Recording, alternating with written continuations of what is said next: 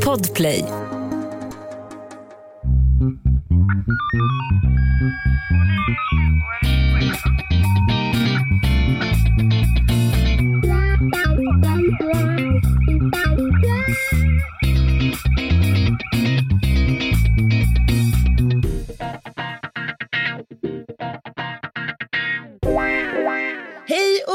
Välkomna till krimpoddarnas krimpodd Över min döda kropp med mig, Anna Jinghede och... Lena Ljungdahl. Hej och välkomna. Får man- Brukar du säga så? Nej, men var, tyckte du var det fel? Nej, var, det var liksom så att mina, min DNA-sträng snodde ihop sig ett varv Ah, jag till. fattar, jag fattar. Jag var inte alls beredd på det det. blev lite för mycket för dig. Mm, starkt, det är starkt för mig. Tråkigt, tråkigt. Ja. men hörni, välkomna, välkomna ska ni vara. Eh, till en ny vecka i Mhm. kribb, kribb också, krimpoddarnas tjänst. Mm. Mm. Idag ska Nu är vi vi, här. nu är vi här och vi ska ju ge oss på ett ganska tungt ämne idag faktiskt. Ett, eh, enligt mitt tycke, tyngsta ämnen som vi har haft i poddens historia faktiskt. Ja, men kanske ett av de viktigaste. Ja, ja, ja, absolut. Mm. Dödligt våld mot kvinnor och tjejer för övrigt. När, när, jag, när du sa att vi skulle ha det, för det här är ju liksom din, eh, vad ska man säga, här är ju du som är faktatung och det är också du som kommer driva det här avsnittet framför dig. Eh, men jag tänkte också, om man tittar på vilka poddar som är som mest populära, som Mhm. inte är våra poddar, Mm, så verkar ju folk älska mm. att lyssna på casepoddar som pratar om eh, Kim och Mm. Vilma och Lisa Tova och, Tova. ja. och så. Så då tänker jag så här att det finns ju ett intresse för det. Mm, mm. Kanske att man efter det här avsnittet, för jag vet att du kommer prata mer, du kommer prata lite evidens, du kommer prata lite utredning, du kommer prata lite om varför det ser ut så här, lite siffror och så. Mm. Kanske att det är det här avsnittet som gör att man står på en lite köttigare bas när man eh, lyssnar på de andra poddarna som mer borrar ner sig i, i liksom en människas livsöde och misär. Jag Fan hoppas vad, det. Fan vad fint sagt. Jag hoppas Ja. innerligt att du har rätt. Och jag tror att du har rätt. Ja, För att man kommer få fakta idag. Tung Bra. men viktig fakta. Men du, Mm, först lite kort om veckan. Har vi Mm. något på veckan som har gått? alltså vet du vad, de här sista veckorna, Anna, jag är så här, vad är, vad är det för dag? Har jag duschat? Eh, ha- har jag mina småbyxor på mig? Jag har ingen aning om vad som har hänt i veckan, tror jag faktiskt. Nej, nej, jag kan bara instämma. Det har varit otroligt hektiskt. Jag har hängt lite med SJ, kanske. Ja, det har du gjort. Eh, Just det. Åkt... Jo, jag kan säga en rolig sak. Jag har faktiskt varit ute och eh, övningskört med, Åh, shit. med en av våra eh, poddlyssnare som går på polisutbildningen Jaha. som behövde en ordentlig duvning i fordonsplacering. Jaha. Och, eh, och så att säga, man går ju till, till Buddha när man behöver vägledning. och jag är en jävel på fordonsplacering. Ja, du placerar dig överallt på vägbanan. När Framförallt så brukar jag väldigt lätt hitta den närmsta vägen Ja, utan vet, att mörka i kurvor.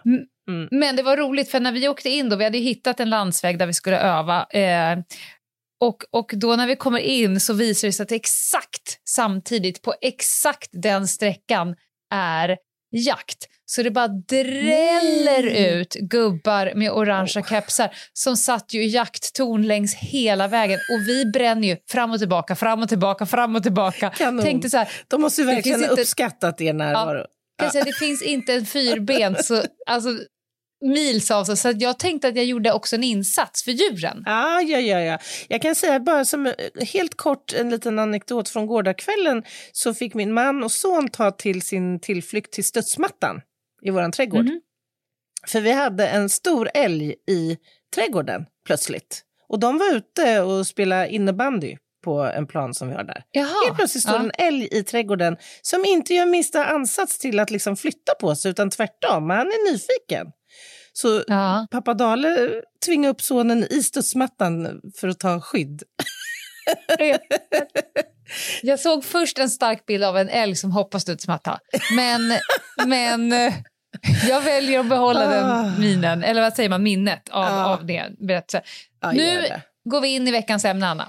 Nu skärper vi till oss och gör det. Mm. Eh, därför att det här kräver lite av oss. Det är ett tungt ämne. Det är tungt även för mig fast jag läser och studerar och beforskar det här ämnet i, till vardags Mm. och ser det. Jag, jag tycker att det är ett tungt ämne. Men vi behöver göra det och det kommer vi också Ja. att göra. Vi backar inte. Vi behöver nämligen prata om att det varje år mördas kanske 14-15 eh, kvinnor i vårt land med viss variation från år till år.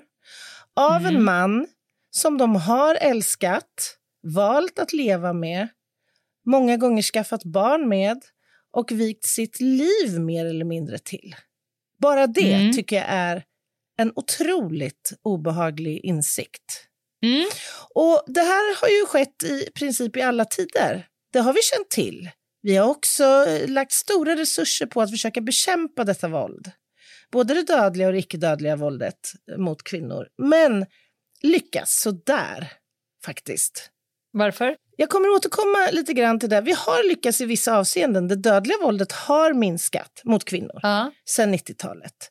Men när vi tittar på det icke-dödliga våldet så finns inte mycket som talar för att vi har lyckats särskilt väl. Nej, okej. Mm. Tyvärr. Det finns en del forskning, eh, nu från senare tid faktiskt även svensk sådan, vilket är otroligt bra och viktigt. Mm. Det behövs verkligen.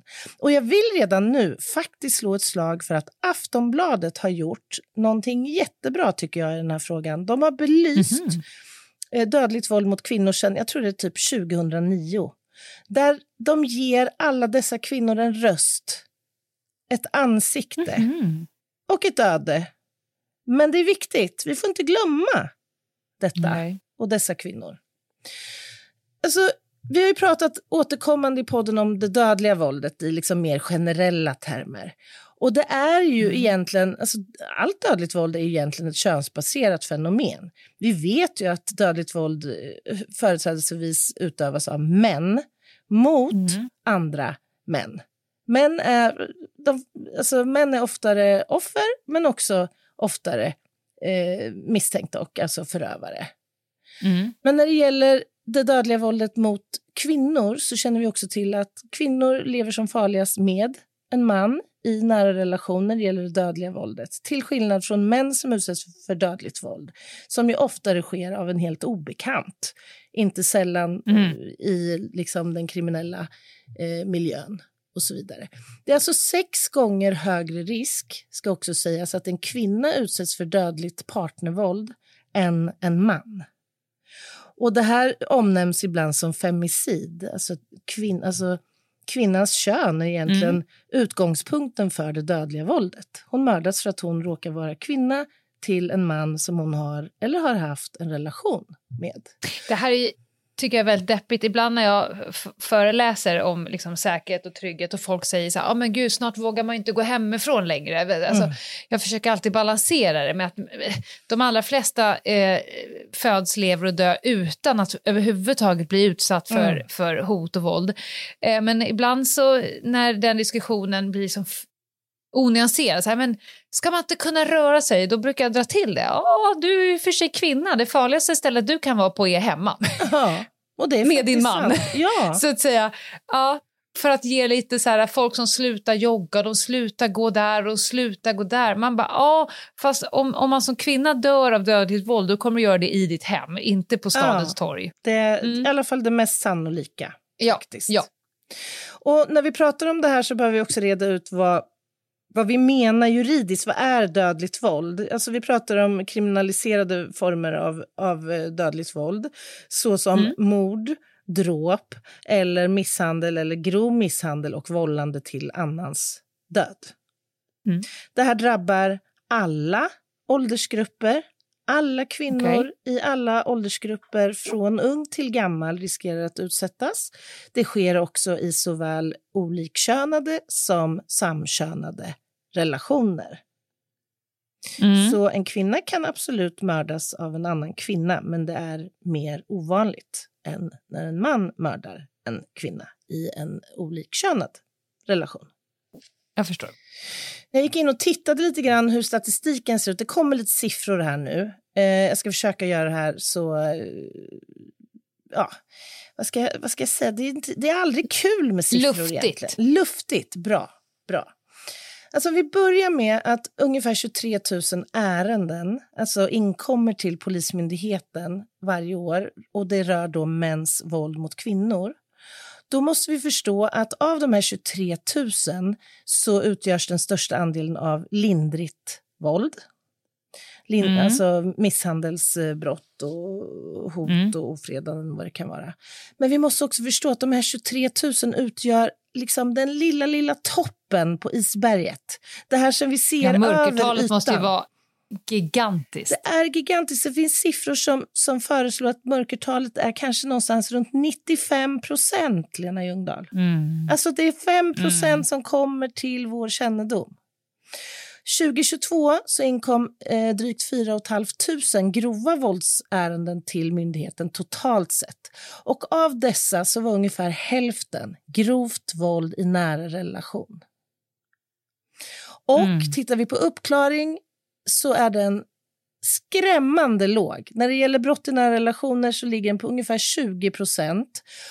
Detta trots att vi i princip 100 procent av fallen vet vem som är Mm. förövare. Men ja, ja, ja. Mm. jag antar att du kommer till så här, hur man ska kunna eh, få en högre uppklarningsprocent. Vad, vad skulle krävas? Ja, Jag antar ja. att du har svaret. Vi kommer Mm. prata om det på slutet. Bra. Däremot när det gäller just det dödliga våldet då, så har vi faktiskt i Sverige en tämligen hög uppklaringsprocent och den ligger på över 95 procent, vilket ju ändå eh, får anses vara positivt. Och när det gäller då det dödliga partnervåldet mot tjejer och kvinnor så har det minskat ända sedan faktiskt 90-talet. Eh, och eh, fram till kanske någonstans i ja, 2017-2018 med någon 1-2 procent ungefär per år. Fråga. Ja, Har vi sett några siffror på... För man, det fanns ju lite farhågor att pandemin och att, att isoleras med eh, våldsamma personer som gärna lite psykisk press och ekonomisk press. Har, har det kommit några siffror hur man har kunnat se hur pandemin och det har påverkat eh, våld i hem? alltså de siffror som har kommit har varit ganska svårtolkade, men där vi med Okej. säkerhet kan säga är att antalet samtal till kvinnojourer och stödorganisationer sköt i höjden. Ja, okej, Så det säger en del. anmälningsbenägenheten kanske inte har påverkats så mycket. Eh, men, men vi vet inte hur så att säga, Känslan av utsatthet. Nej. Mm. Precis, exakt. Eh, och tittar vi på året 2022 så var det faktiskt 23 kvinnor som mördades, vilket ju då avviker från det jag sa inledningsvis om mellan 14 till 15. Och så, att det kan fluktuera lite grann från år till år. Mm. Men jag tycker att det kan vara värt att nämna att det här bör jämföras med att 60 män eh, mördades i skjutvapenvåld Mm, just det. och det innebär att i flera regioner i Sverige så är det dödliga våldet mot kvinnor faktiskt mycket, mycket dödligare än skjutvapenvåldet som ju är främst begränsat till storstadsmiljöerna. Eh. Ja, just det. så att om vi nu ska lägga jättemycket resurser på skjutvapenvåldet så är det väl rimligt att vi också gör det eh, riktat mot kvinnor som utsätts av dödligt våld. Och det tror jag i och för sig vi alla är överens om. Frågan är kanske hur vi ska lyckas med det. Vi kan inte heller, tycker jag, särskilja våldet mot kvinnor och det våld som sker i kriminella nätverk. Eftersom det finns en överlappning här. Har man en våldstendens Ja. i ett forum så kan man mycket väl tänka sig att det finns en våldstendens i sin hemmamiljö också. Och att de kvinnor som lever i de här miljöerna är satta under tämligen stor kontroll. Jag killgissar lite grann, ska jag säga, men Mm. jag skulle inte bli förvånad om det ser ut så. får du, det är din podd. Men jag kommer också nu säga, kanske en provocerande tanke, jag, jag, jag kommer vara rösten för lyssnare. Jag tror att många där ute nu tänker så här. Att en kvinna som blir grovt misshandlad, lever under det här, eh, kanske till och med mördad, i sitt hem av en person eh, som man på något sätt har investerat i, eller vad säger man, relation. Ja. Alltså det enorma sveket versus eh, människor som, har, som är med i den organiserade kriminella världen. Alltså, jag, jag vill inte ställa det ena mot det andra, men Nej. för mig ter det sig jävligt märkligt om man lägger enorma resurser på att få stopp skjutvapenvåldet Mm. inom de kriminella nätverken, men inte gör detsamma för helt, låt mig säga ofrivilliga, eller jag förstår vad jag är ute efter. Ja, jag förstår precis Alltså- vad du är ute efter. Vad har de gjort för att förtjäna detta? Ja. Jag säger inte att, att, att grabbarna i gängen förtjänar det Nej. på något sätt. Men, men kvinnorna gör det garanterat inte. Men vet du vad jag tror är det stora incitamentet här, eller argumentet om man så vill? Skjutvapenvåldet kan drabba vem som helst som är ute Ja. på gator och torg. Ja, du menar så. Det och kryper in under det huden på dödliga alla. våldet, det sker ju, och nu gör jag musöron, bara, bara i människors hem. Mm. Jag tycker att det är Det ett sånt fundamentalt jävla feltänk, ursäkta nu svor jag Ja. också. Men alltså, ditt hem är väl den plats där du har rätt att känna frihet och frid och trygghet. Trygg. Om Ja. någon plats. Du kan ju välja om du vill gå ut och involvera dig i grov organiserad brottslighet och riskera bli skjuten på kuppen. Faktiskt. Mm. Ja, jag håller med. Det, Så, det är nog, jag folk behöver- har, ja, det är bra, bra rantat, men det, det, jag tror att folk har lättare att värja sig för ena för att man ser det inte, det kryper inte un, under huden. Det här Exakt. skjutvapenvåldet diskuteras ju i alla forum, överallt, hela Mm. tiden och det är också det enda politikerna och polisledningen pratar om. När man Ja, bara, fast Och vänta det är rätt, såklart. Det är ett Ja. gigantiskt problem. Och återigen, jag håller med dig, Lena. Man ska inte ställa de här två eh, otroligt deppiga våldsfenomenen Nej. mot varandra. Men vi har känt till i många, många, många decennier hur farligt våldet mot kvinnor är. Ja. Det är inget nytt fenomen. Nej, Nej okej, fortsätt. Absolut, efter pausen. Ett poddtips från Podplay. I fallen jag aldrig glömmer djupdyker Hasse Aro i arbetet bakom några av Sveriges mest uppseendeväckande brottsutredningar. Går vi in med hemlig telefonavlyssning och, och då upplever vi att vi får en total förändring av hans beteende. Vad är det som händer nu? Vem är det som läcker? Och så säger han att jag är kriminell, jag har varit kriminell i hela mitt liv men att mörda ett barn, där går min gräns. Nya säsongen av Fallen jag aldrig glömmer på Podplay. Välkomna tillbaka till krimpoddarnas krimpodd. Särskilt välkommen till alla som har hittat oss de senaste veckorna. Eh, idag är det Anna som sitter eh, med ett hårt grepp runt micken eh, och kommer att lära er en jävla massa skit som ni borde kunna som medmänniskor och samhällsmedborgare om det dödliga våldet mot kvinnor. Mm, och, och Mm. tjejer. Eh, Mm. Jag skulle vilja att vi pratar lite grann om manliga förövare av dödligt våld. Jag kommer också komma in lite grann på kvinnliga förövare av dödligt våld, för det förekommer också. Om Ja. än mycket mer sällan. Finns det en gärningsmannaprofil? Eh, både ja och nej. Det, är, Mm. alltså det finns riskfaktorer som vi kan se för, återkommer hos de här förövarna, men det är inte en super, super, super homogen grupp egentligen. Men jag ska dra Nej. lite grann ifrån den forskning som finns och vad den anger om detta. Alltså, eh, manliga förövare av dödligt våld mot kvinnor skiljer sig faktiskt ganska mycket från förövare av annat dödligt våld. Eh, de här männen är oftare äldre. De har en mer stabil tillvaro med jobb och skjutsa till fotbollsskola och allt vad det nu är. Och de är i mindre utsträckning arbetslösa vid tidpunkten för, för brottet än män som begår annat dödligt våld. Mm. Alltså det är familjefäder, inte sällan. Hedliga Sådana som folk i folkmun kallas för hedliga, hedligt folk. Ja. Hedliga män. Precis. Ja. Hälften av dessa förövare är inte heller dömda för brott sen tidigare. Och de är generellt kan man säga mindre kriminellt belastade än förövare av andra former av av dödligt våld. Och bara ungefär 25 procent av dem har tidigare dömts för våldsbrott. Och det kan man väl i och för sig fundera på. Det kanske snarare reflekterar ett misslyckande. Vi känner ju till mm. att många av de här har ju utövat våld faktiskt mot sina partners innan det dödliga våldet sker.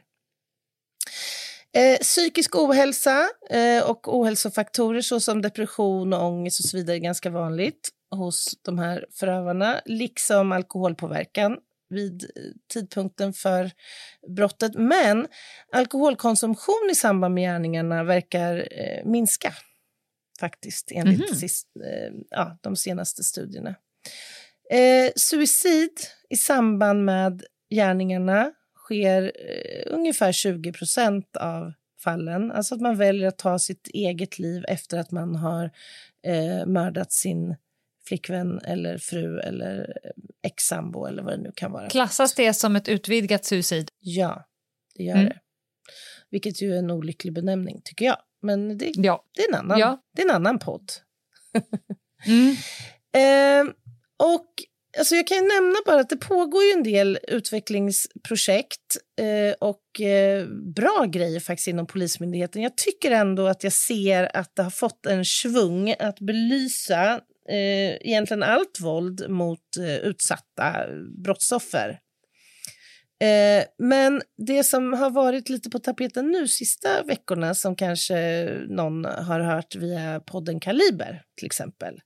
Det är att det finns, att det pågår ett, ett eh, strukturerat arbete nu med att försöka kartlägga de här högriskmännen.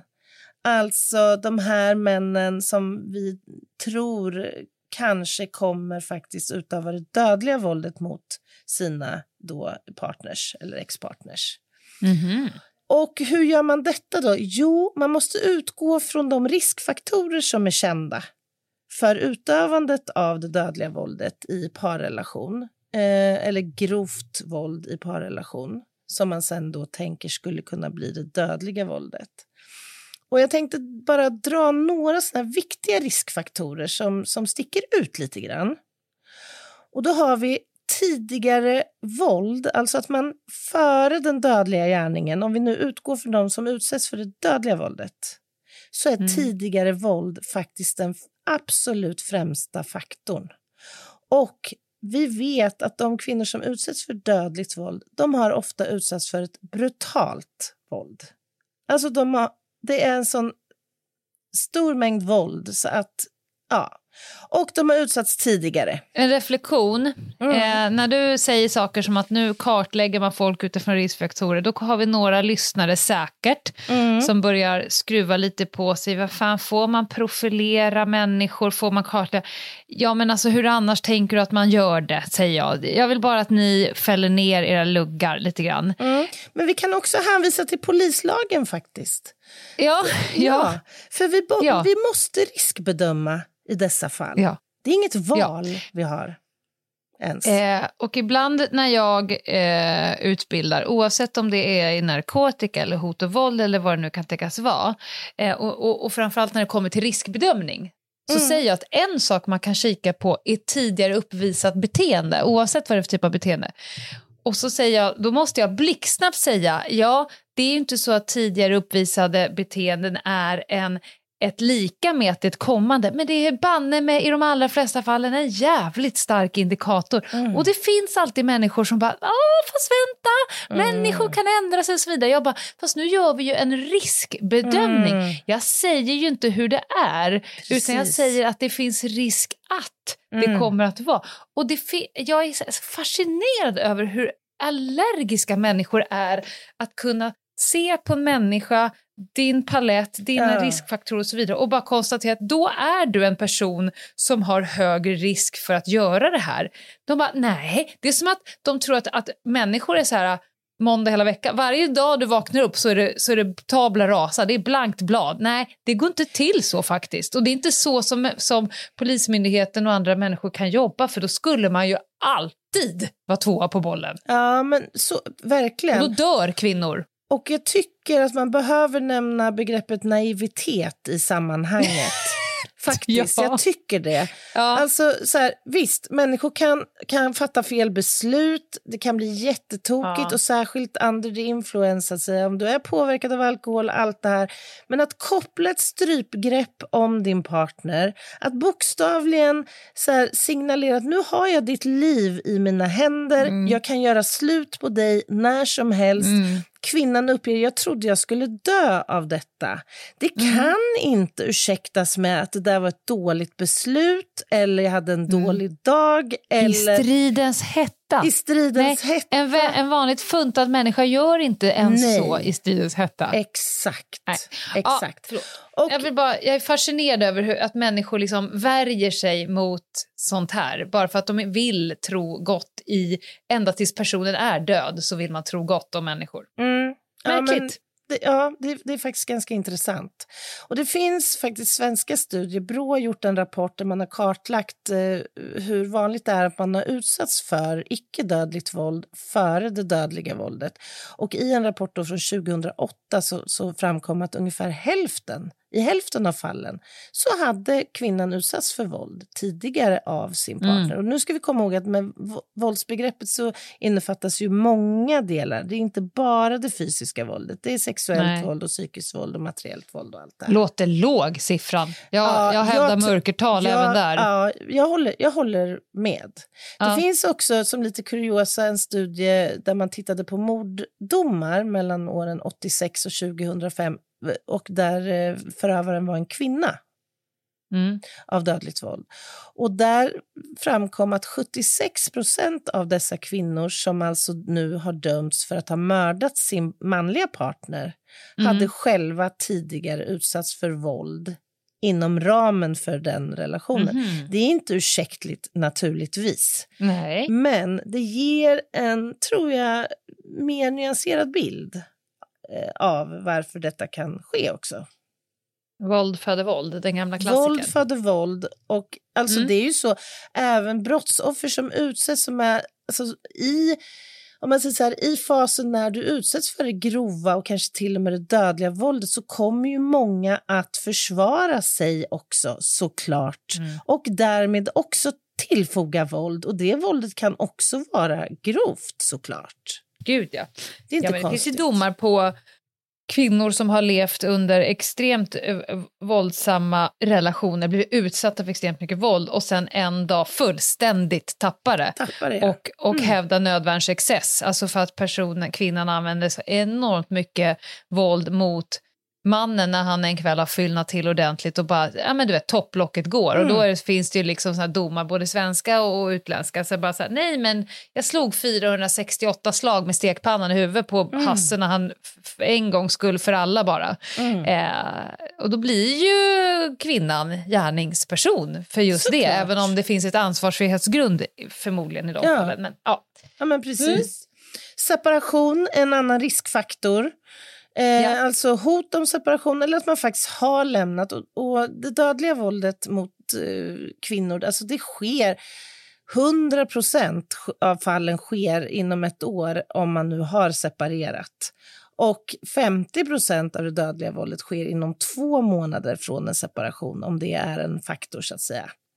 Så att, Det här eh, diskuterar man eh, på gymnasieskolor. Det här Mhm. är liksom en diskussion som man har på gymnasieskolor att eh, flickvänner, när man gör slut, när flickvän gör Ja. slut med pojkvän så har de en en, en, en sårbar period i ganska många fall. Eh, och det tycker jag att lärare ska ha lite extra koll på. Lite mer skyddsvärt. ja. Det är farligt att göra slut. Ja, men verkligen. Och det här tycker jag är jätteintressant att du nämner. Därför att när man tittar på dödligt partnervåld mot tjejer, alltså yngre kvinnor, unga Ja. kvinnor, så är separation som motiv otroligt vanligt. Ja. Ja. Kanske 60-70 procent av fallen så är separationsmotivet Och när du då-. För det man diskuterat, när du då har pratat eller lämnat din kille mm. så är, kan du inte undvika honom för ni kommer ses varje dag i skolan. Exakt, exakt. Så det bör skolan ta lite höjd för. Och kontaktvägarna är jättemånga ja. och allt det där. Och det händer såklart att även kvinnor, när kvinnor dödar sina eh, makar eller sambos och så vidare, så, mm. så sker det också ibland vid separation. Eh, och mm. där ser man att en bidragande faktor när man analyserat de kvinnorna eller förövarna av dödligt våld är den ekonomiska beroendeställningen. Att mm. du mhm. har inte längre eh, möjlighet att försörja dig, helt enkelt. Okay. Kontrollerande beteende. Alltså det här som yttrar sig i ett behov av att ha makt och kontroll över din partner, inte sällan motiverad av eh, svartsjuka. Svartsjuka är Nej. otroligt vanligt i de här sammanhangen, även vid det icke-dödliga eh, relationsvåldet. Att det beskrivs att han var svartsjuk på mig. Jag var tvungen att redogöra för vem jag hade träffat på väg hem från jobbet, ätit lunch med, Alltså det är med. en av mina, det är en av mina absolut fulaste, alltså det, det är den egenskapen jag har så mest svårast med. Mm.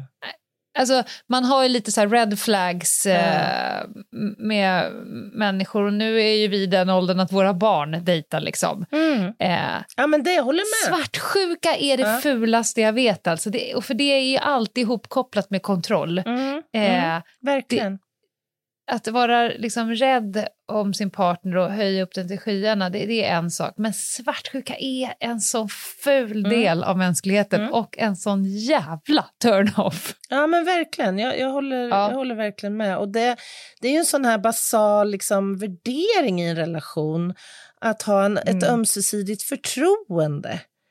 Att, att bara liksom mm. signalera att jag är svartsjuk det är ju en faktor som ska få en att lägga benen på ryggen för det kommer mm. inte bli bättre. Nej. Men Nej. den här kontrollen behöver inte bara vara knuten till svartsjuka. Den kan vara det kan vara fråga om kontroll över ekonomi, att du får lämna mm. över hela din månadslön till din partner till exempel, kanske behålla en 500 eller något i plånboken och klara dig på en hel månad. Fysisk kontroll, alltså att man kontrollerar vem man ska få träffa och när och hur och, och sådär. Och känslomässigt också. Mm. Psykisk ohälsa och in, psykisk instabilitet är en sån här riskfaktor också. Så det gäller både bland kvinnliga och manliga förövare av dödligt eh, partnervåld. Och det här kan ju samvariera med en, en samtidig drogproblematik eller eh, arbetslöshet och, och andra faktorer och sådär. Men och tittar man på forskningen, här finns det ganska lite svensk forskning, men tittar man på det som finns internationellt på förövare av eh, dödligt eh, våld mot kvinnor så är alltså någonstans mellan 30 och 57 procent av förövarna hade eller har en psykiatrisk diagnos. Och mm. det är ju ganska eh, så här, tycker jag, en faktor som alla som jobbar med dessa män och kommer i kontakt med män med psykisk instabilitet eller ohälsoproblematik och som samtidigt visar tendenser till att eh, liksom ha ett våldsbeteende eller kanske pågående konflikt med sin eh, flickvän eller allt det här. Det ska verkligen vara en röd flagga för att det är mm. så pass vanligt förekommande. Det finns mm. ett gäng såna riskfaktorer som ofta omnämns eh, i litteraturen. Eh, drog och alkoholmissbruk har vi varit inne på lite grann. Utbildningsgrad, tillgång på vapen. Finns det skjutvapen hemma i miljön så är det inte sällan så att det också kommer att användas om man nu bestämmer sig för att mörda sin hustru eller flickvän. Pågående tvist, tvist kring ekonomi, vårdnadstvist eh, och så vidare. Eller bristande sysselsättning. Det, fin det finns ett när, gäng här som inte när du sa utbildnings, När du sa utbildningsgrad, mm. är den är låg utbildningsgrad högre risk? Ja, det kan man säga. Mm. Att, att, ja. ha, ju lägre utbildningsgrad, desto större representation i gruppen ja. eh, våldsövare mm. av dödligt våld mot kvinnor, förenklat. Om vi tittar lite grann på hur de här gärningarna sker då, så är det ju inte så förvånande ofta i offrets hem eh, eller förövarens hem, ska sägas, eller till och med kanske en gemensam bostad. Och tittar man på tjejer som, som mördas eller utsätts för dödligt våld så är det faktiskt vanligare att att tjejer mördas eh, i sitt eget hem eller i gärningspersonens eh, bostad eller på en annan plats än i hemmiljön. Så det, och det har, Mhm. speglar väl lite det du var inne på tidigare, att det finns en större mobilitet bland unga Mm. människor. De rör sig i liksom större eh, Mm. och mer utvidgade Cirklar. Ja. miljöer. Våldsmetoderna då? Ja, det är skarpt våld och strypvåld. Trubbigt våld kan såklart ingå som en del i liksom gärningen. Jag tror du ska definiera skarpt våld. Jag tror inte att folk... Ah, såklart. Skarpt våld det innebär allt sånt våld som sker med ett äggvast föremål, till exempel en kniv, en yxa, en sax eller någonting annat. Och trubbigt. Trubbigt våld är ju då det motsatta, det som sker med ett föremål med en trubbig eh, anläggnings eh, eller en trubbig yta. Knytnävar, sparkar, Ja. knuffar in i väggar, dra i hår eller vad det nu kan Mm. vara fråga om. Tittar man på de, de här kvinnorna som har utsatts för det dödliga våldet så har de ofta väldigt mycket skador när de anträffas. Eh, och tittar man på utbredningen av skador så finns de oftast runt huvudet, nacken och ansiktet. Och det, det gäller även för det icke-dödliga våldet. Det riktas... Alltså, jag får såna här flashbacks till när man har ett gäng gånger åkt upp till eh, sjukan med kvinnor. Mm. Man ko- kommer till ett hem för att det är någon granne som har ringt och bara jag står inte ut. Det är någon som skriker som Mm. att det är någon som sticker dem med knivar och det kanske också är exakt det som har hänt. Man tar med, grip, mannen grips, eh, åker in till arresten, man åker med kvinnan upp till sjukhuset efter lite övertalning mm. oftast. Och sen ska de klä av sig och sen kommer en läkare in och så ska de göra ett rättsintyg. Liksom. Mm. När de klär av sig, man tittar på den här kroppen och bara, Mm. men hur kan du stå? Mm. Alltså hur, hur sitter dina kroppsdelar fortfarande? Det är liksom bitmärken på ryggen och det kan vara bränn, fimp, du vet, cigarettgrejer, stora hårtussar saknas. Alltså du vet, jag, jag kan verkligen minnas att man står och tittar på det och bara så här, nu får jag fan hålla ihop det Lena. Ja, det, här, du, det gör du ont kan ju i hela kroppen. Ja, det gör ont i ens Mm. egen kropp. Jag Mm. känner liksom smärtan i min egen hud. Och de står där så jävla Tappra. hjälte mm, och bara, du vet, står någon okänd man och tittar bara vänster insida 2,3 Ja. centimeter. Vet, vet, nej, det, där, det är sådana där jobb som jag tyckte var Men fruktansvärda. ju, jag, jag slungas direkt in i den kontext du beskriver för det är också en extremt utlämnande situation. Så ovärdigt. Ja, den är fruktansvärd. Verkligen. Jag, jag håller Mm. med. Eh, Ja. jag vill nämna en sak vad gäller strypvåldet. Du vet att jag brinner lite Ja. extra för det. Det är, Ja. det är faktiskt så att det är dubbelt så hög risk för tjejer, alltså yngre kvinnor, Mm. att utsättas för dödligt våld genom strypning i jämförelse med äldre kvinnor. Det är oftare eh, skarpt våld och trubbigt våld då. Av någon Men är anledning. det den här jävla porren eller? Ja, jag tror ju det. Jag vill inte säga det, men jag tror det. Jag tror det. Det finns någon form av porrifiering, att det är Ja, det är liksom mer- alltså, fräsigt porren- att hålla på och strypa. Ja, alltså jag vill ju inte ta ordet strypsex i min mun för att det är två ord Nej. som inte hör ihop. Men Nej, vi kan inte blunda för att strypgrepp, strypvåld är vanligt förekommande i kommersiell pornografi som konsumeras av väldigt Unga många män. unga män. Vi kommer inte Mm. ifrån det. Och det finns inte vad jag vet forskning som skildrar eh, åldersfördelning på män som konsumerar den här typen av, av porr. Men det kanske är så att liksom gubbar och äldre män, de liksom jag vet inte, de har konsumerat sin porr. Liksom. Det, det är inte där de lär sig... eh, Fibban i skogen. Ja, men liksom, jag vet inte. Det, alltså, vi, vi vet ju Och- att, att och- pornografin har blivit grövre. Så det kanske inte Jag är så också att- konstigt. Att om, om unga killar skolas in eh, via porren så det är ju rätt många unga tjejer som också kollar på eh, porr Ja! och då ska ju de också då planka kvinnans roll. Exakt. Så de förväntas ju tycka att det där förmodligen är det blir high liksom, fucking life. Ja, och det blir normaliserat även för tjejer. Alltså, Åh. jag, jag kollar ju en del Fan på vad porr. skönt att man är gammal. Ja. Jag kollar ju en del på porr som du vet. I syfte att förstå vad det är som händer. Och jag kan ju konstatera att ja, strypgrepp, strypvåld, det är en sak. Men du har Ja. slag, du har fasthållning. Det är Ja. liksom... Det är våld. Det är Det är våld. Det är våld. Mm. Även verbalt våld. Jag skulle vilja puffa lite grann, för jag har några gånger flikat in skillnaden mellan tjejers och kvinnors utsatthet. Och jag skulle vilja puffa Mm. för en jättebra och välskriven rapport. Eh, en rapport som Jämställdhetsmyndigheten precis nyligen har gett ut, där man har belyst våldet som eh, yngre kvinnor utsätts för. Gud vad bra. Ja, det är så bra tycker jag. Därför att jag tror att gemene man, som, i alla fall som jobbar i rättsväsendet, när man pratar om dödligt våld mot kvinnor så är det lätt Mm. att glömma den här gruppen faktiskt tonåringar och upp till 25-26 års ålder. Och här har man då belyst just den här gruppen, vilket jag tycker är fantastiskt bra. Det man fann, eh, det var just, det, det har vi varit inne på, att separation som motiv är Mm. otroligt vanligt när yngre eh, kvinnor utsätts. Strypning utmärker sig som våldsmetod. Eh, Mm. Och det finns överhuvudtaget en större variation i motiv, i motivbilderna när eh, yngre kvinnor utsätts för dödligt våld än när äldre kvinnor gör det.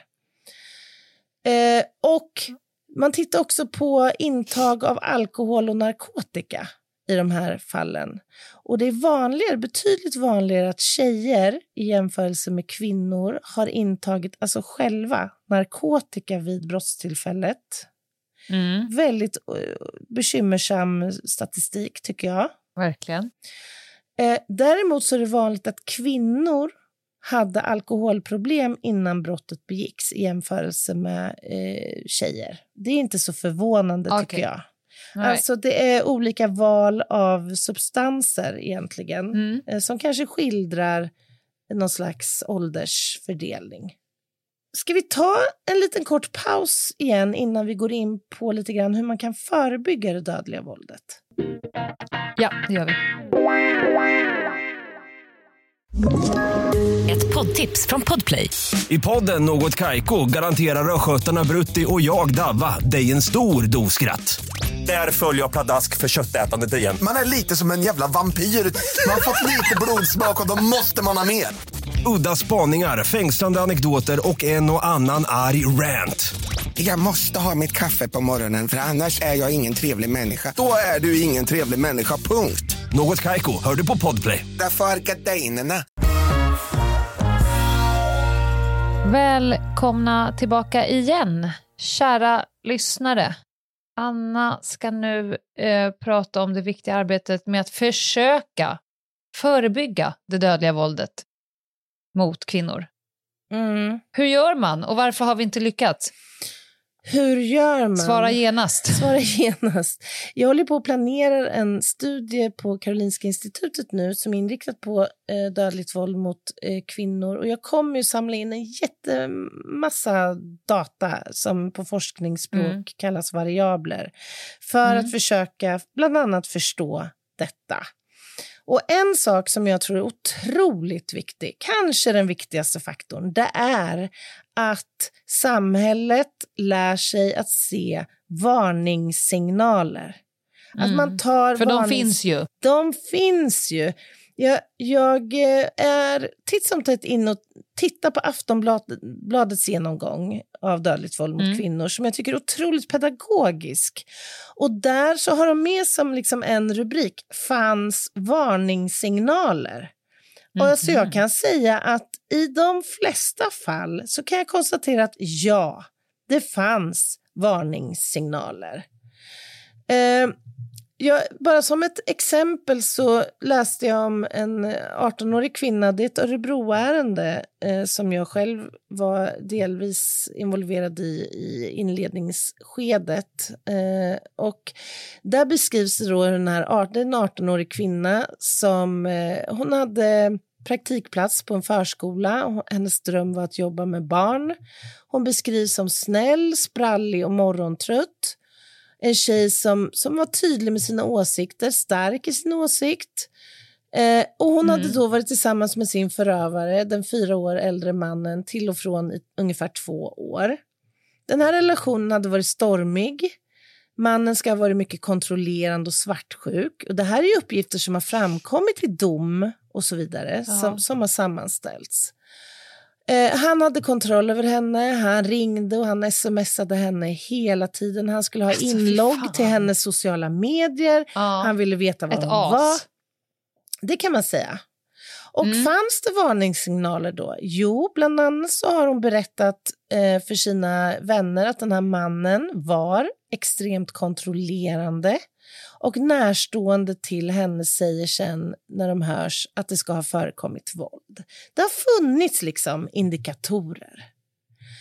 Jag tog en annan random i, usch, det är hemskt att omnämna dessa kvinnor som så, men Somaye som, som du kanske känner igen som har rapporterats väldigt mycket om Mm. i media.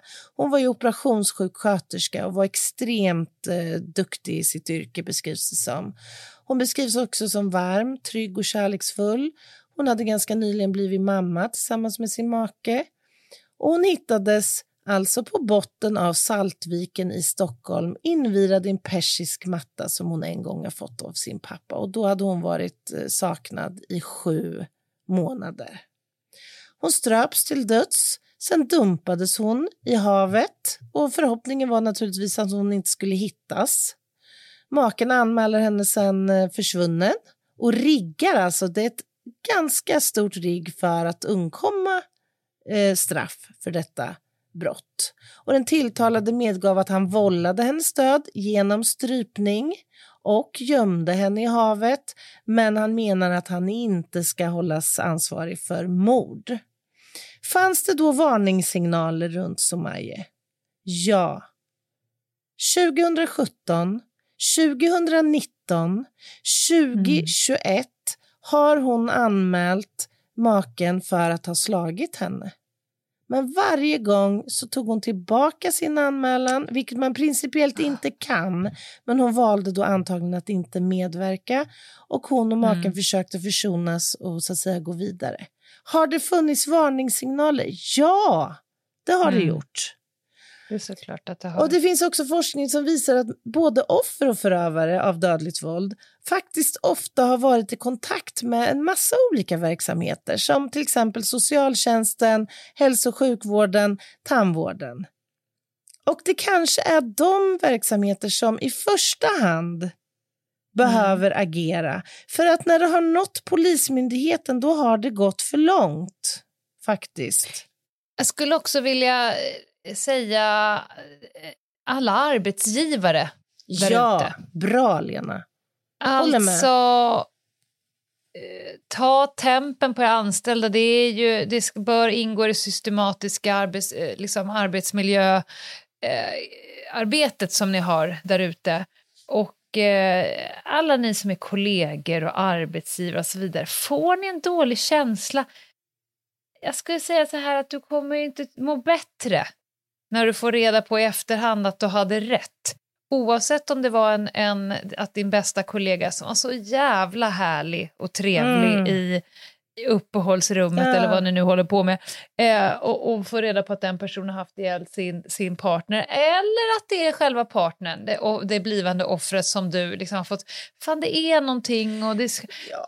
prata med varandra, stötta varandra. Jag tycker att, att jag tycker, Sverige lider av en, en, en, en eh, pandemi, eh, hävdar jag och har gjort så många gånger, som jag kallar för någon annanism. Det är alltid Mm, någon annans ja, problem.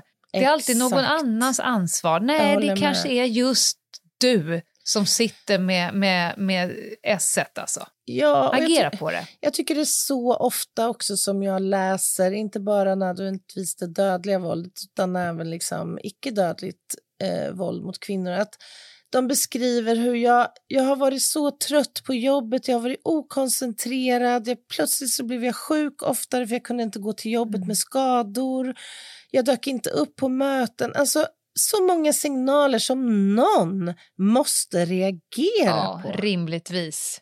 Ja. Rimligtvis, ja. Varningssignaler ska vi ta på allvar. Om vi Var ska... lite jävla nyfikna och och frågvisa. Vad är det värsta som kan hända? Exakt. Att personen känner att det är någon som ser dem. Ja, men, och tycker man att det är så obehagligt att ställa frågan rakt ut, får du stryk hemma eller utsätts du för våld hemma? Ja. Ställ frågan, hur mår du? Hur har du det hemma?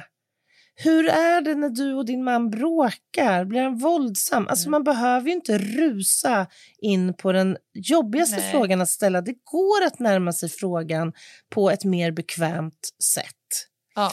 Vad behöver ta göras mer? Jo, vi, samhället måste bli bättre på att riskbedöma dessa utsatta Mm. kvinnor i ett tidigt stadie, inte fyra dagar efter man har gjort en poli- polisanmälan och flytt hals över huvud eller uppsökt en eh, sjukvårdsinrättning.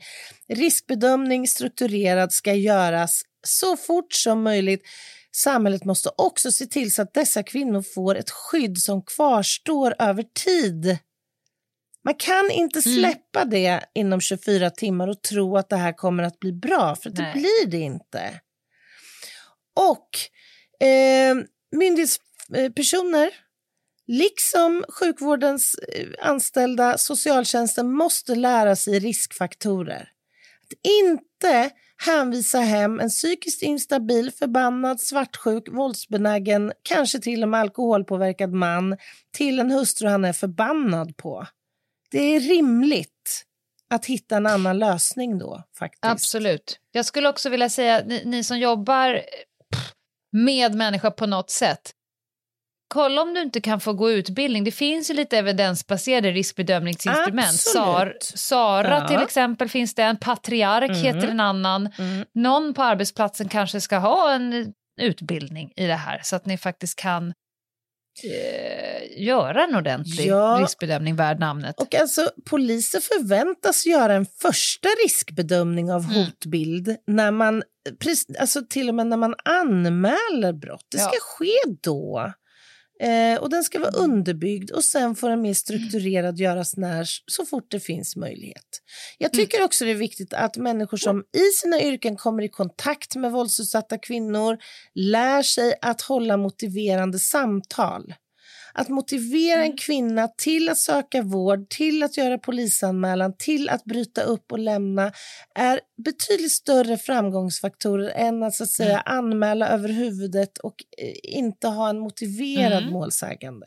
Faktiskt. Stötta längs vägen, ja. Också. Ja. Mm. Man behöver också lära sig att se tecken på våldsutsatthet. Det har vi tjatat om i så många år, men det, fortfarande så fungerar det inte fullt ut som det ska. Nej.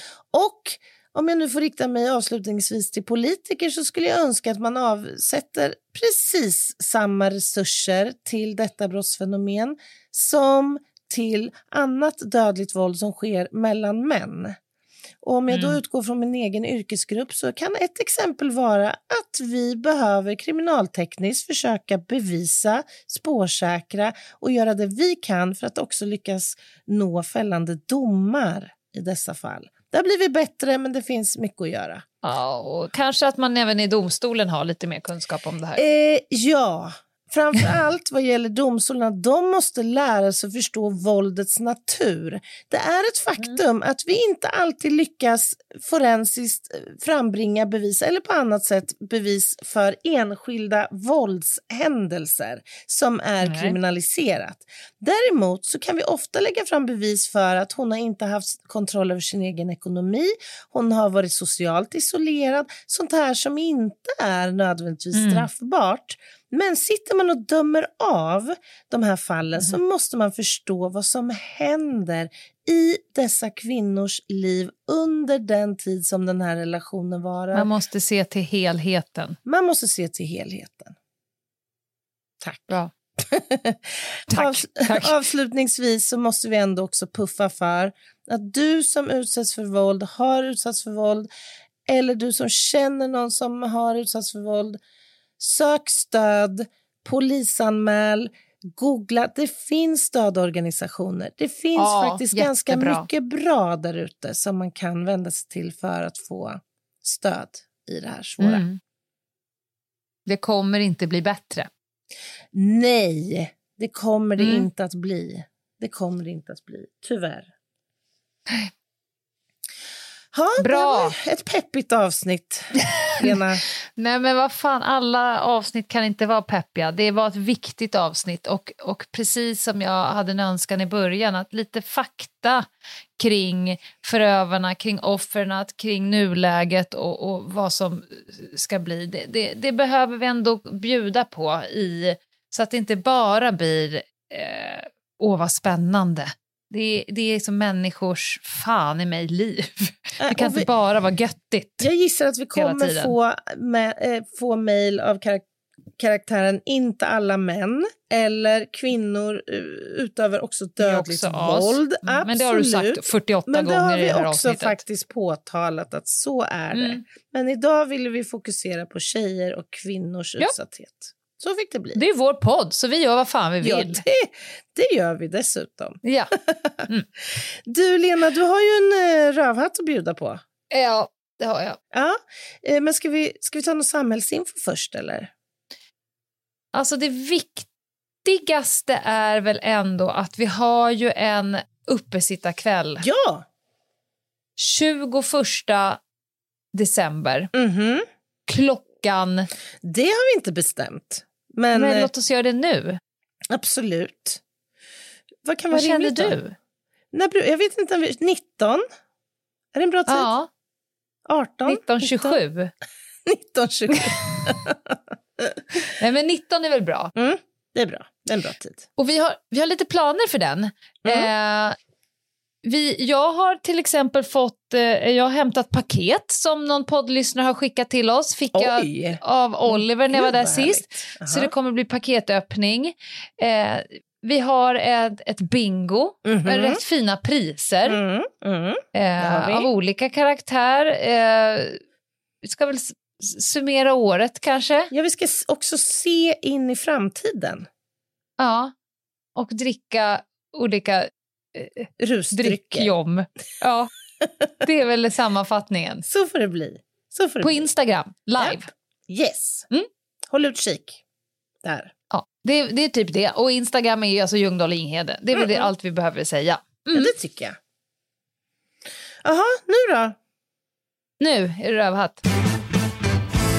Lenas rövhatt. Jag eh, var ju i eh, måndags på vårt bokförlag Bookmarks julmingel. Just det, det var det ja. Därför att jag var inne i stan, du skulle ju vara på allt det här men du fick ju så att Ja. säga förhinder. Åh, gud.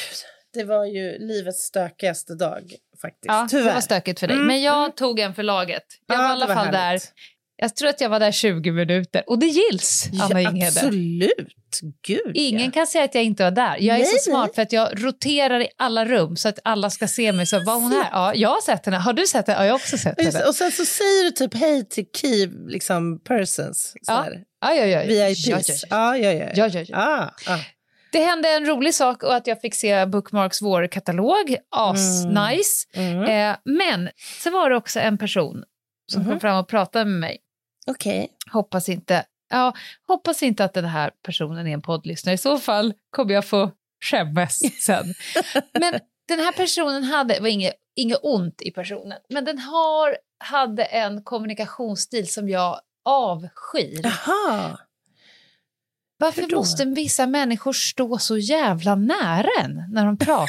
Ja, de är innanför liksom the comfort Alltså, och zone. jag har Ja. ganska stor... Om du, om du Jag vet, den vet. här Dirty Dancing, när Ja. de är på trädet. This is my space and this Ja, is your space, ja, med så här stela armar. Jag har ju ett ganska så att säga, stort sånt avstånd. Ja, det har du verkligen. Jag, jag fattar grejen med om man är på krogen, att man inte hör eller att det är sorgligt. Ja, Men ja. här fanns det faktiskt både spatialt eh, utrymme, Ja, och, och liksom en, en, ljud... Det var i och för sig ett härligt liveband där som stod och så här bom, bom, bom, bom på, Ah. på... Jättehärligt. Ja. Men... Och det, det leder till att jag hör ju ingenting vad människan säger. Jag blir bara irriterad. Varför är det så jävla... Och sen är ju också personen var Lång. lite längre än vad jag är. Vilket gör att det känns som att jag alldeles strax kommer bli tungkysst. Ja, Ja, du vet att någon är liksom nästan Ja. på inflygning. ja, ja. ja. Och också så, så är, visualiserar jag ju hur liksom mundropparna ramlar ner i mitt De plyte. faller ner över dig. Mm. Det här resulterar i att jag i stealth mode backar lite hela tiden. Så att vi börjar ju liksom på ena sidan rummet. Det är som en dans Och- ja, som Ja, pågår. och jag Ja. liksom, ja du vet man så här, sträcker sig och tar ett litet smygsteg där och så ett litet smygsteg där. Alltså att man på krogen hade jag gjort en bågspännare, bara poff. Du, alltså nu måste du stå längre ifrån mig, för Ja. det är mitt, mitt rätta jag. Mm. Men när jag är liksom på ett bokming eller så här, julmingel Ja. på förlaget, jag vet inte vem han är, han kan vara inte vd, för det vet vi vem det är, men det är, Ja. liksom, det är inte Ja. läge att göra en bågspännare där. Nej, nej, det, Nej, det blir så det är en författare kanske. Det är-. Ja. Ja. Ja. Ja. Eh, och jag, jag är också otroligt koncentrerad som han pratar danska, så jag, är ju så, jag hör ju fragment, det är computer och... computer. det är hur, hur, ja, ja, Cinema. och jag backar. Ja, det kino? Eller man? computer. Men, men alltså, har det, här på, har det här att göra med liksom brist på manners? Eller liksom varför? För jag tänker att de allra flesta ändå tycker det är obekvämt att kliva in i komfortzonen när man pratar med någon. Varför gör vissa Alltså, det? Hör man dåligt? Jag, jag vet det- inte, är, hör de dåligt Ja. eller är det, är det liksom, ser de dåligt? Så jag är ju här, Mm. nu är du två decimeter från min näsa och så Ja. pratar och jag backar och då Då någonstans tänker jag att den andra personen borde känna så här, ah, nej men hon vill ha lite space. Ja. Nej, nej, han travar på. Han travar. Så till slut så står ju Nej. jag ju med min röv. Alltså jag skulle säga en av bokhyllorna har ju med två stjärtmärken alltså. Ah, vad roligt. Jag Jag är ju upptryckt mot hörnet och bara så här, there's no way to run honey. eh, och han står ju lutad över mig och Ja. computer, computer. Computer. Alltså, Kastanjeman, det... ja. Va, va, varför kan folk inte ha lite avstånd? En armlängds? Ja, Eller? det där är en bra fråga. Alltså faktiskt. Jag, alltså, jag utgår från att den som har sånt där nära avstånd är bekväm med det. Annars så skulle man inte Ja. ha det. Jag kan Annars man helt... Alltså, även, Ja. även om jag är löjligt social så tycker jag också att det är fruktansvärt obehagligt när någon kommer liksom för nära och sådär. Man nästan känner vad vederbörande åt Ja, men exakt. lunch. Jag vill, Ja. inte ha, exakt. jag vill inte ha hettan av din andedräkt på min kind när du står... Jag vill inte ha Jag det inte ha som människor i min egen familj. på min högerkind. Nej, Nej. resten av. Alltså, Mm. Jag är inte intresserad av någon, inte mina närmsta vänner, inte mina egna familjemedlemmar. Var Nej. inte så nära mig när du pratar. Nej, nej. Jag ser dig ju på avstånd. Du behöver inte stå liksom, i mitt... Bör, det här är ju min... Alltså, Det här är min, min kropp- du kan ju tänka att Stopp min kropp... Liksom, Tänk om du hade sagt, kanske också försökt säga det på danska. Stopp min kropp. ja. Stop, Stop min body. De kör ju bara engelska då och då. stop min body. Nästa gång, Lena, jag tycker faktiskt öva lite hemma kanske framför spegeln. Så att, jag tänker att du måste säga det liksom med lite tyngd också så att det verkligen... Ja, Så att han ja, förstår. Stop min body. Nej, men jag, jag tänker också så här. Jag blir också lite förnärmad av mig själv. För att mitt sanna jag Mm. är ju lite mer så här... Ursäkta mig, du står skitnära mig. Skulle du kunna backa en halv meter? För jag tycker inte det är bekvämt. Men jag Mm. Men det är ju för att liksom du också har lärt dig sociala koder, att man passar sig inte alltid att säga Att vad inte som helst. Dels att vi var där. På krogen hade jag absolut bara, du nu backa undan för fan. Men jag tror också att jag tänker att en människa som beter sig på det sättet är nog en svag, för jag tänker att du är lite lågbegåvad eller eh, att du är lite eftersatt. Ja, det är på inte något sätt. socialt skillad helt enkelt. Tänker jag. Att, jag tror att, att jag har ett motstånd till att vara fräck, för att något fel är det ju på dig som gör att du behöver stå så Ah, nära. Jag tänker så, att det finns en form av, av så att säga, nedsättning hos individen som du Ja, inte exakt, nu vill... någon, någon. Ah, jag någon. fattar. Jag fattar ja. Att det bara så här, men, men vad är det, varför?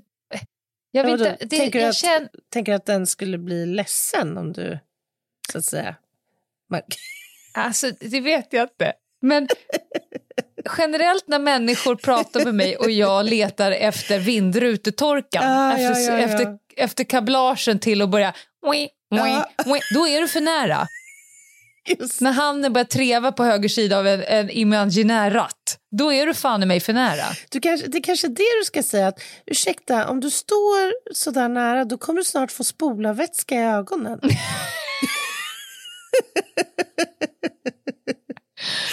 Jag Ja, jag tycker att det är ett jävla... Och jag, jag, framförallt så, så blir jag förundrad för jag förstår inte varför. Det är just det. Nej, men jag tror som Det- sagt det är att det nästan att vi har det näst- olika... Ja, men så här, Lena, alla Ja. har ju inte samma storlek på sin zon. Det måste vi först och främst bara Nej, men de har ju ingen zon. Ja, vissa kanske är fem centimeter. Din är en och en halv meter. Liksom, Det roliga- Finns... Ja. Alltså det roliga är att i och med att de kommer så nära, Ja. men jag är ju över 40, det är nästan så jag måste ta på mig läsglasögonen. Jag blir som en så här, du vet som när man håller bort mobilen för att se dem. Jag bara, nu är du så nära så att du är jättesuddig. Ska jag säga det? Jag måste tyvärr sätta på mig mina läsglasögon för du är så nära så jag ser inte dig längre ändå- eftersom du är i mitt plyte. ja, men det är ändå ett schysst sätt att säga ben om backen. Men så man kan ju till och med ta det en, ett varv till. Så här, Ursäkta, jag är kraftig astigmatiker. eh, jag tycker det är så obehagligt. Jag ser inte dig när du står... Har du lust att kanske backa en meter så, Ja. så blir vårt samtal mycket trevligare. Ja. Mina ögon funkar faktiskt bäst på 3,2 meters avstånd. Ja. Då ser jag dig knivskarpt. Ja, ja, jag vill inte gå miste Ja. om det här mötet. Och då slipper jag också ha sån här skyddsvisir mot ditt slem. Det är ju perfekt. Men där har vi det. Nej. Där har vi det. Nej, men, Ja. men, så rövhatteriet är ju ni som står nära, men om inte förr så borde ni fatta när den ni pratar med backar i panik. Verkligen. Följ inte efter. Nej, nej, nej. Nej. Nej, Absolut det, inte. sluta med det bara. Ja, så får det bli. Space. Mm. Space, Vi, eh, vi hörs om en vecka. ja, men det gör vi. Tills dess tar ni hand om er. Ja, ja. Kram, kram. Hej då.